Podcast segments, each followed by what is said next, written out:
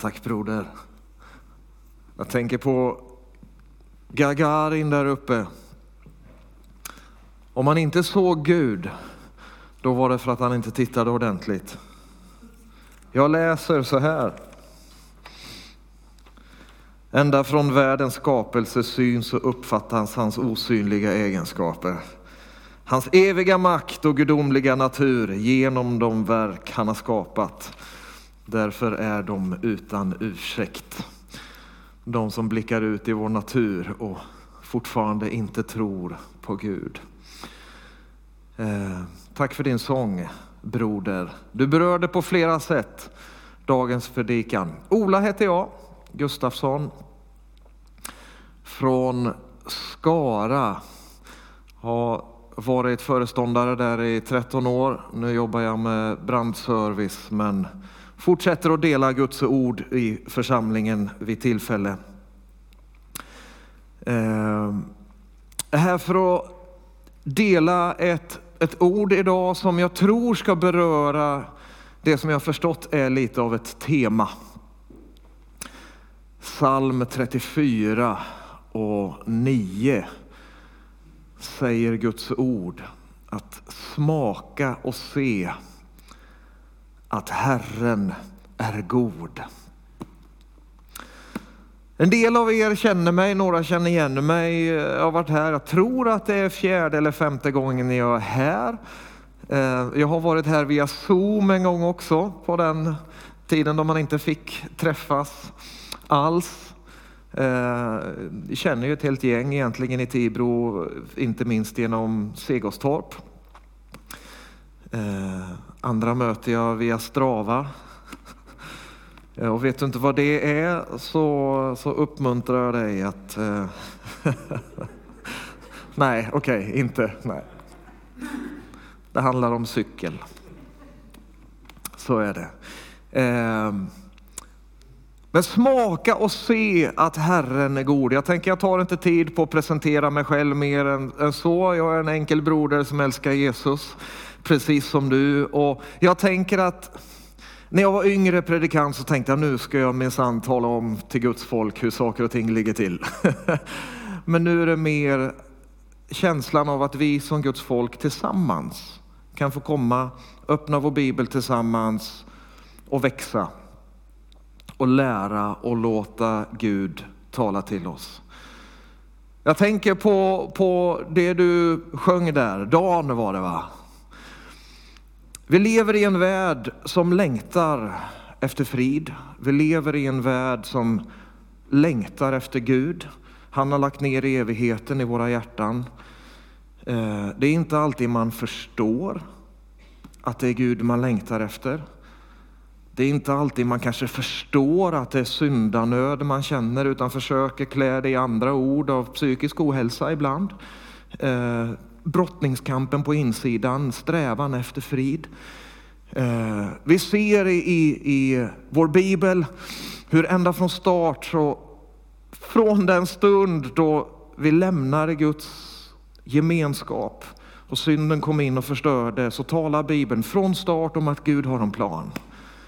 Vi ser löftet om frälsaren, vi ser löftet om förlåtelse och vi ser löftet om ett kommande rike.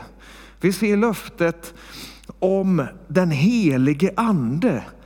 Att han ska ta stenhjärtat ur våra kropp, våra, våran kropp och ge oss ett hjärta av kött. Alltså det kommer ett löfte som, som upprepas om och om igen. Och jag tänker det som psalm 39 eller psalm 34 säger. Smaka och se att Herren är god. Det talar ju om på något sätt att vi kan uppleva Gud. Jag tänker nu är vi ju i en pingstkyrka och jag har känt inför den här dagen att jag ska predika om andens dop. Kan man göra det när man kommer som gäst i en pingkyrka? Det här vet väl alla allting om. Men jag tänker smaka. Det är någon konkret upplevelse. Se att Herren är god. Det talar om, inte teorier, det talar inte om liksom förmågan att argumentera för den kristna kyrkans skull. Utan det som jag tror att Gud vill möta varje människa med erfarenheten av hans godhet. När vi kommer in i Nya Testamentet och Johannes döparen predikar och de frågar honom, är det du som är han som skulle komma? Så säger han, nej det är inte jag, men han är på gång. Och så säger han, jag döper i vatten. Men när han kommer, då ska han döpa i helig ande. Och så kommer Jesus och vi ser honom beskriva och demonstrera ett nytt sätt att se på Gud, ett nytt sätt att möta människor, ett rike som blir Folk smakar och ser på Guds rike och han tränar upp sina lärjungar och när han har dött och uppstått och ska lämna dem och liksom ska lämna över uppdraget till, jag höll på att säga dig och mig, men på ett sätt så är det ju det. Så säger han ju samma sak, Johannes döpte med vatten.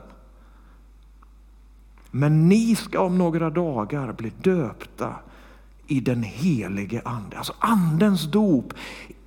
Erfarenheten av Guds godhet. Inte som det kanske har varit ibland att skrytet om hur mycket mer andlig jag är. Det är inte det som är pingst på riktigt, utan pingst är att få smaka och se att Gud är god.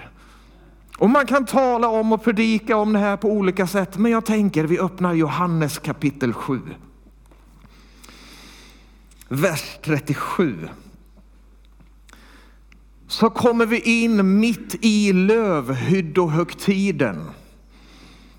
Och så står det från vers 37, på den sista dagen, den största i högtiden, stod Jesus och ropade, om någon är törstig, kom till mig och drick. Och jag tänker det här är ju bara en parafras på smaka och se att Herren är god. Är du törstig? Kom och drick. Den som tror på mig, som skriften säger, ur hans innersta, innersta ska strömmar av levande vatten flyta fram. Detta sa han om anden som de skulle få som trodde på honom. Anden hade nämligen inte kommit än eftersom Jesus ännu inte hade blivit förhärligad. När Jesus talar om den helige ande vid det här tillfället så använder han inte liksom en teknisk beskrivning. A, B, C, 1, 2, 3. Det här är andens dop. Så här definierar vi de olika gåvorna. Han använder istället ett bildspråk som illustrerar vad upplevelsen av den helige ande handlar om. Han talar som om en ström av levande vatten kommer från vårt innersta och släcker vår törst. Läser man bakgrunden här så vet man att i Jerusalem så har man precis i en hel vecka varje dag gått till Siloadammen och hämtat vatten gått i procession med detta vatten upp till templet och man har utgjutit det här vattnet vid brännofferaltaret vid templet. Som någon slags profetisk proklamation. En del resonerar kring att man gör det för att minnas hur vatten flöt fram i öknen. Men jag tänker, Jesus ställer sig vid det här tillfället där man går upp till templet med vatten och proklamerar just det här av en orsak. Och han säger, och det här tycker jag är intressant. Orkar vi en eller två minuter där vi går lite sådär teologiskt djupt. Det blir kort, jag lovar. Men Jesus säger, som skriften säger, ska vatten flyta fram ur vårt inre. Lite besviken blir jag när jag läser kärnbibelns kommentar att Jesus menar inte ett specifikt skriftställe här. Jag tänker, men va, har ni missat det? Talar skriften om att det väller fram vatten ur människor någonstans? Nej, det gör det inte. Det talas om att Gud ska utgjuta vatten över människor. Men det finns ett bibelställe som talar om att vatten flyter fram ur templet. Och vi som är nytestamentliga, var finns templet idag? Du och jag är den helige andes tempel. Jesus säger, skriften säger att levande vatten ska flyta fram ur ert innersta. Om vi då tar och tittar på det här bibelstället, Hesekiel 47, som talar om att vatten flyter fram ur templet. Skulle det här kunna vara en illustration av andens verk i en människas hjärta? Jag tror det. Hesekiel 47, vers 1 och vi läser verserna. Sedan förde han mig tillbaka till husets ingång och där fick jag se vatten rinna fram under husets tröskel på östra sidan. För husets fram, framsida låg mot öster och vattnet flöt ner under husets södra sida, söder om altaret. Sedan förde han mig ut genom norra porten som ledde mig fram och ledde mig fram på en yttre väg till den yttre porten, den som vette åt öster. Där fick jag se vatten välla fram från den södra sidan. Sedan gick mannen med ett mätsnöre i handen, ett stycke mot öster, mätte upp tusen alnar och lät mig gå genom vattnet, och det räckte mig till vristen. Sedan mätte han upp ytterligare tusen alnar och lät mig där gå genom vattnet, och det räckte mig till knäna. Än en gång mätte han upp tusen alnar och lät mig gå genom vattnet, som då räckte mig till höfterna. Ytterligare en gång mätte han upp tusen alnar och nu var det en ström som jag inte kunde vada över. Vattnet gick så högt att man måste simma. Det var en ström som man inte kunde komma över. Han sa till mig, har du sett det du människobarn? Sedan förde han mig tillbaka upp på flodens strand. När jag kom tillbaka såg jag många träd längs stränderna på båda sidor om floden. Då sa han till mig, detta vatten rinner fram mot den östra delen av landet och flyter ner över hedmarken och sedan ut i havet. Döda havet är detta alltså. Vattnet som bröt fram rinner till havet och vattnet blir då sunt.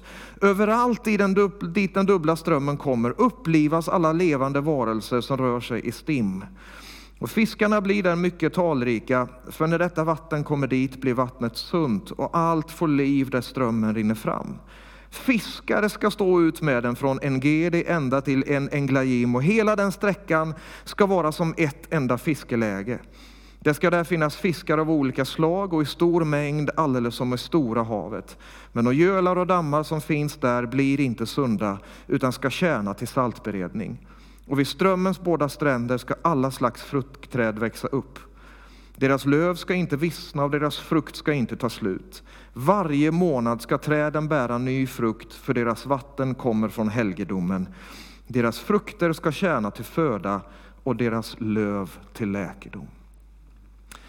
Du som kan din bibel känner igen de allra sista verserna som också återfinns i Uppenbarelseboken, där det talas om det kommande riket, där strömmen av levande vatten rinner igenom det nya Jerusalem och det bär frukt varje månad och det ska tjäna till föda och läkedom. Vilket är en ganska stark indikation tycker jag att det här är en profetisk bild som illustrerar den himmelska verkligheten.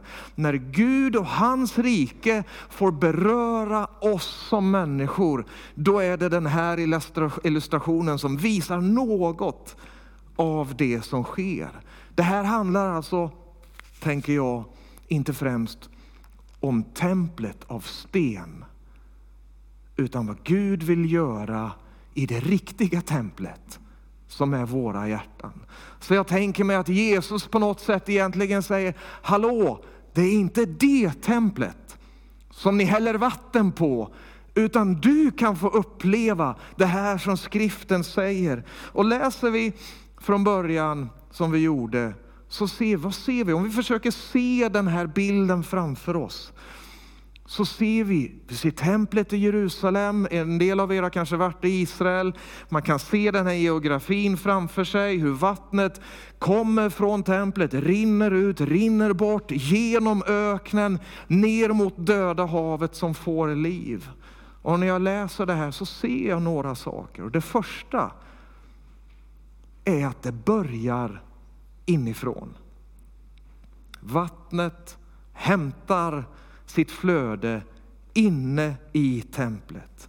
Den helige Andes verk i en människas liv, det är någonting som börjar i ditt hjärta. Det är någonting som börjar i mitt hjärta. Det är en ström som börjar bubbla där inne. Men vi ser ganska snart att den här strömmen, den vill ut. Det är någonting som startar där inne. Det här vill växa. Det här vill ut. Och när profeten följer strömmen ut från templet så kommer han från templet direkt till en inbjudan från mannen med mätsnöret att gå längre ut i strömmen. Den helige Andes verk är en inbjudan till dig och mig att gå djupare ut i Guds välsignelse. Först står han på stranden och iakttar det levande vattnet. Sen så blir han kallad. Tusen alnar, alnar i taget är det va? Han får gå ut och så räcker det, då har han vatten till fotknölarna. Det är som att, okej, okay, står du liksom till fotknölarna i rinnande vatten, då känner du av det. Men det är inte speciellt starkt. Och så kan det vara med Guds kärlek. Man känner av den, du märker att den är där, men det är fortfarande en ganska tillbakahållen erfarenhet. Och det som sker där är att han får inte uppgiften att ropa till dem som står på stranden, vad kassa ni är som inte står där jag står. Ibland har vi ju en tendens, inte du, men ibland har en del av oss en tendens att visa hur bra vi är. Men det är inte det som är poängen här, utan han som står och känner lite blir inbjuden att gå djupare. Han får vandra ut tills det är till knäna. Nu känns det. Står man till knäna i rinnande vatten, då känner du vattnets kraft. Fortfarande är det så att det finns en inbjudan att gå längre. Han får fortsätta gå ut och det går till höfterna. Och om du står till höfterna i rinnande vatten, nu är det ett gränsfall om man klarar att stå kvar eller inte. Men Gud kallar honom ut ända till det djup där han tappar greppet. Hans egen kontroll försvinner och strömmen sveper honom med. Och jag tänker det är en bild som visar att Gud bjuder dig och mig att gå så långt ut i den heliga Andes erfarenhet att vi tappar något av vår egen kontroll. Och hans ström får leda oss dit han vill ha oss. Sen så får han, får han komma upp på stranden och så får han frågan, har du sett det här nu? Notera inbjudan. Och jag tror att idag så ska vi notera inbjudan att var du än står, om det är på stranden, lite kännande, mer eller mindre erfarande hans kraft, så är inbjudan idag att ta ett steg eller tusen alnar ut i vattnet. Och han kommer upp på stranden och så får han se den här bilden. Och så försök se det här framför dig. Hur vattnet rinner från Guds tron ut i öknen och där börjar det växa. Det börjar växa och det börjar bli liv där det är dött. Och jag tror att det här är den heliga Andes verk i våra liv. Han vill få öknen att blomstra. Har du känt att livet är som en öken någon gång?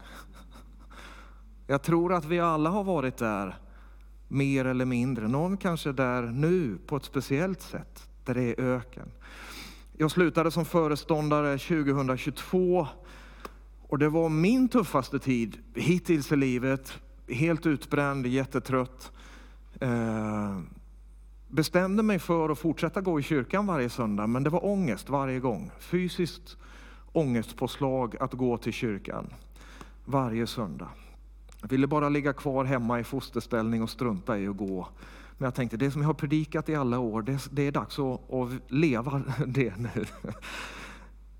Men jag ska säga att under 2022 då det var som allra tuffast och jobbigast och mest ångestladdat att bara gå till, till kyrkan, så fick jag några av mina starkaste gudsupplevelser hittills. Går upp på morgonen, det bara knyter sig, det, det, det, det, det tar emot, men jag tvingar mig iväg, tar mig till kyrkan Och när Markus och Lina, en del av er känner dem, tar tag och lovsången börjar, jag reser mig upp och lyfter mina händer.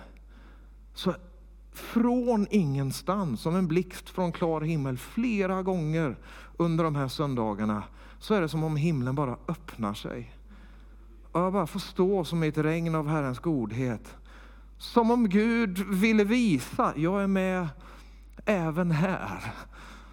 Fortsätt stå kvar, fortsätt lita på mig. Och jag tror att en del av Andens verk handlar om att det får börja blomstra där det är öken. Och jag vet inte hur din öken ser ut, men jag vet att den helige Ande vill få det att blomstra.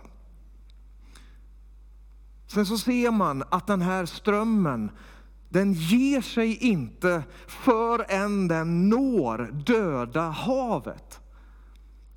Och du som har läst Apostlagärningarna 1 och 8 vet att det står att när den heliga ande kommer över er, då ska ni få kraft. Alltså det är någonting som sker i oss. Och bli mina vittnen. Jerusalem, Judeen, Samarien och till jordens yttersta gräns. Alltså andens verk är någonting som ger mig kraft, men som inte slutar dra förrän jorden är nådd med evangelium. Och jag tänker den här strömmen som kommer från tronen, den rinner genom öknen och det bara blomstrar. Se det liksom, vattnet rinner fram och så bara träden liksom kommer upp och det blir sunt och det blir friskt. Ända ut till det hav där ingenting kan leva och där står det, blir det fiskar i stor mängd så som i Medelhavet. Och jag vet inte om jag är knäpp, men jag ser missionsbefallningen i det. Mig är given all makt i himlen och på jorden. Gå för den skull ut och gör alla folk till mina lärjungar. När Guds ström flyter fram, så där det var dött, där blir det stim av fisk av alla slag. Och jag tänker, när det står att den här floden ska vara som ett enda fiskeläge, så kan jag inte låta bli att tänka på när Petrus faller på knä i båten inför Jesus. Och Jesus säger, men Petrus, följ mig, så ska jag göra dig till en människofiskare. Jag tänker det här, det här är evangelium, där strömmen rinner fram. Där Alltså i sin natur. Gud är god. Smaka och se att Herren är god. När vi öppnar oss för hans helige ande så kan det inte annat än bli välsignelse i det som är förbannelse. Ljus i det som är mörker. Läkedom i det som är trasigt. Liv där det är dött.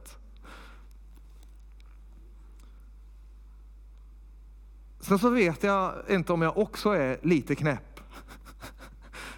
När jag läser första Korintierbrevet 14 och tänker att det här är ju precis samma sak. Med lite andra ord bara. Första Korintierbrevet kapitel 14 är ju det här stället som talar om andens gåvor i församlingen. Paulus undervisar i ett par kapitel tidigare om att vi inte ska vara okunniga om de andliga tingen.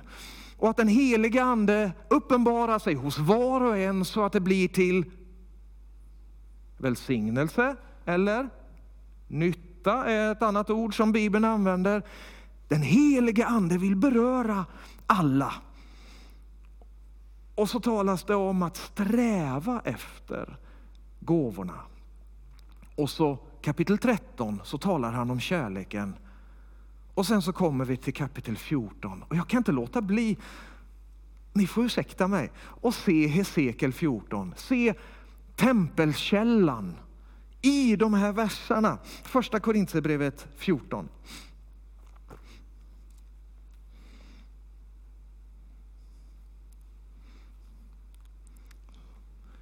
Så läser vi de fem första verserna. Sträva efter kärleken, men var också ivriga att få de andliga gåvorna, framförallt profetians gåva. Den som talar tungomål talar inte till människor utan till Gud, för ingen förstår honom. Han talar hemligheter i sin ande. Men den som profeterar talar till människor och ger uppbyggelse, uppmuntran och tröst. Den som talar tungomål bygger upp sig själv, men den som profeterar bygger upp församlingen. Jag vill gärna att ni alla talar tungomål, men ännu hellre att ni profeterar. Den som profeterar är viktigare än den som talar tungomål ifall han inte uttyder sitt tal så att församlingen blir uppbyggd. Jag minns när jag var yngre och så läste jag 1917, den här gamla översättningen. Där står det att den som profeterar är för mer än den som talar i tungomål. Och jag tyckte det här är ju knäppt. Skulle det vara någon slags mer värd människa, de som, då, de som profeterar? Får vi vårt värde som människor utifrån vilka gåvor vi har? Jag hade problem med det här. Men så när jag genom åren har läst det här så ser jag att det här kapitlet talar ju om samma sak som vi precis läste i Hesekiel 47. Det handlar om att Guds välsignelse i den helige ande, det är någonting som startar i mitt inre, men som vill nå ända ut till den som inte känner Jesus. Och det är inte exakt samma ordning, men vi säger i vers 2 så läste vi ju den som talar tungomål talar inte till människor utan till Gud. Han talar hemligheter i sitt inre. Och jag tror på det som är den klassiska pingstdoktrinen, att tungotalet är en primär gåva när det gäller andedopet. Det handlar inte om att någon är bättre eller sämre.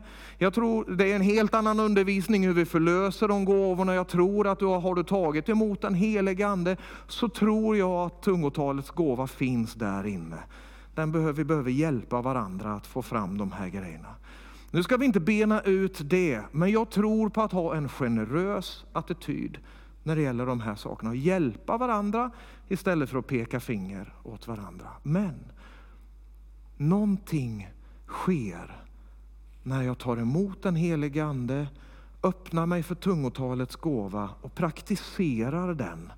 Alltså om man så säger, det är som att öppna en kran på insidan där den helige Andes aktivitet och flöde får ett större utrymme i mitt liv. Och jag tänker det är samma sak som vi läste om i templet. Här inne börjar flödet. Och varför talar Paulus om att den som profeterar är mer värd eller viktigare. Jag gick in och kikade på grekiskan så är det ordet mega som betyder stor. Den som profeterar, det är större. Utifrån perspektivet att människor runt omkring ska bli välsignade och uppbyggda. Vi ser samma sak som när profeten får gå ut i vattnet. Gud bjuder honom ut att gå djupare i välsignelsen. Så läste vi ju sträva efter kärleken men var också ivriga att få de andliga gåvorna, framför allt profetians gåva. Alltså det är en inbjudan att växa. Och när jag läser min bibel så ser jag ingen handbok. Det här och det här och det här ska du göra för att få den, den eller den gåvan. Utan det viktigaste verkar vara att vi tillsammans längtar. Det är det jag ser i de här verserna. Längtan verkar vara viktigare än tekniken om ni förstår mig rätt. Det är som att i en gemenskap där man aktivt längtar efter mer av Guds verk så kommer Gud att hjälpa oss och erfara de sakerna. I den aspekten av att de som är runt omkring får bli välsignade och uppbyggda så är det viktigare med profetian. Därför att när jag talar i tungor då händer någonting där jag får bli uppbyggd. Men Gud vill locka oss vidare till en gemenskap där anden får påverka vår gemenskap och vi tillsammans får erfara hur när den helige ande kommer mitt ibland oss, då får vi se saker som ingen av oss kan göra i vår egen kraft. För övernaturlig kraft och hjälp kommer till oss. Och Paulus, han, nu går han in och så resonerar han för jag får bilden när jag läser det här att det här är en väldigt rörig församling. Det är som att de har slutat predika på sitt modersmål och bara talar i tungor från talarstolen. Den bilden får jag. Och så går Paulus in och så säger nu måste jag ha lite ordning på grejer. När jag kommer till er och talar, om jag säger jag har varit i Tibro och talat, då vet ju ni att då har jag ju varit här och predikat. Det är ju det Paulus talar om. När jag kommer till er och predikar, då är det ju inte tungotal som gäller. Då behöver ju andra använda vårt modersmål. Det ska finnas gåvor, men det behöver vara ordning. Och poängen med alltihop är det som vi ser fram i vers 25. Då Paulus talar om, tänk på i er gemenskap, på de människor som finns runt omkring. Det är ju jättehäftigt om alla av er talar i tungor jämt. Men om någon kommer in här utifrån, då behöver det vara ett, en atmosfär och ett beteende så att de förstår att här finns Gud. Tänk om någon kommer in och alla talar i tungor, då tänker han, ni är ju knäppa. Men tänk om någon utifrån kommer in, förresten nu tänker jag inte på, jag kanske är jobbig för kamerorna här. Förlåt i så fall. Jag ställer mig här. Om någon kommer in och ni profeterar, då står det så här i första Korintierbrevet 14 och 25. Hans hjärtas hemligheter uppenbaras och han faller ner på sitt ansikte och tillber Gud och erkänner Gud finns verkligen i er. Det är ju det här. Här är ju döda havet. Här är Apostlagärningarna 1 8. Det som börjar någonstans i våra hjärtan. Målet med det är ju att den som är trasig och sargad och i behov av ett möte med Gud ska kunna komma till oss och inse det här med Jesus, det är ju på riktigt. Alltså, den som kommer in i vår gemenskap kan få smaka och se att Herren är god. Hur ska det då vara bröder? Jo, när ni samlas har var och en något att ge. En psalm, en undervisning, en uppenbarelse, tungotal och en uttydning. Låt allt bli till uppbyggelse. Vi öppnar våra hjärtan för den helige Ande själva. Och vi delar det livet tillsammans i vår gemenskap så att det kan få bli till uppbyggelse för varandra. Men vi får inte ge oss förrän den som kommer utifrån kan få någon slags smak av Guds, Guds godhet i vår gemenskap.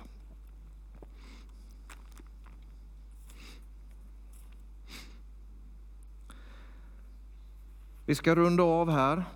Vi ska alldeles strax eh, sjunga en sång och sen gå in i, i förbönsinbjudan. Jag tror, får man använda den här bilden från Hesekiel 47? Jag tror att den här söndagsmorgonen så vill Gud på något sätt påminna oss om att den här strömmen, den dubbla strömmen från Guds tron, den finns alltid där. Inbjudan från honom finns alltid till oss att ta ett steg vidare ut i hans välsignelse. Och jag tror att den strömmen den finns här idag och den kallar på dig och mig att gå djupare ut. Det är så fantastiskt när man får uppleva hur Guds välsignelse berör någon annan. Ja, men jag har predikat i kyrkor och jag har varit eh, här och där i världen och i höstas var jag i Pakistan en sväng. Men något av det häftigaste var faktiskt bara härom veckan på Arenabadet i, i Skövde där jag jobbar extra ibland. Du vet, jag tänker inte att jag vittnar så mycket där. Jag är där och tjänar lite extra pengar och så det är klart att när samtalet berör de eviga grejerna, då, då delar jag, jag det jag står för. Men precis innan jag skulle sluta senaste gången jag var där så var det en kille som är uppvuxen i Skara, eh, eh, funnits med i arbetet där men inte är kvar i kyrkan. Ta mig åt sidan och så, du, jag har börjat läsa Bibeln. Och delar liksom lite grann av av, av en andlig längtan eh, och, och en, en bön om hjälp att få, få, få, läsa, få läsa Bibeln och förstå sin Bibel.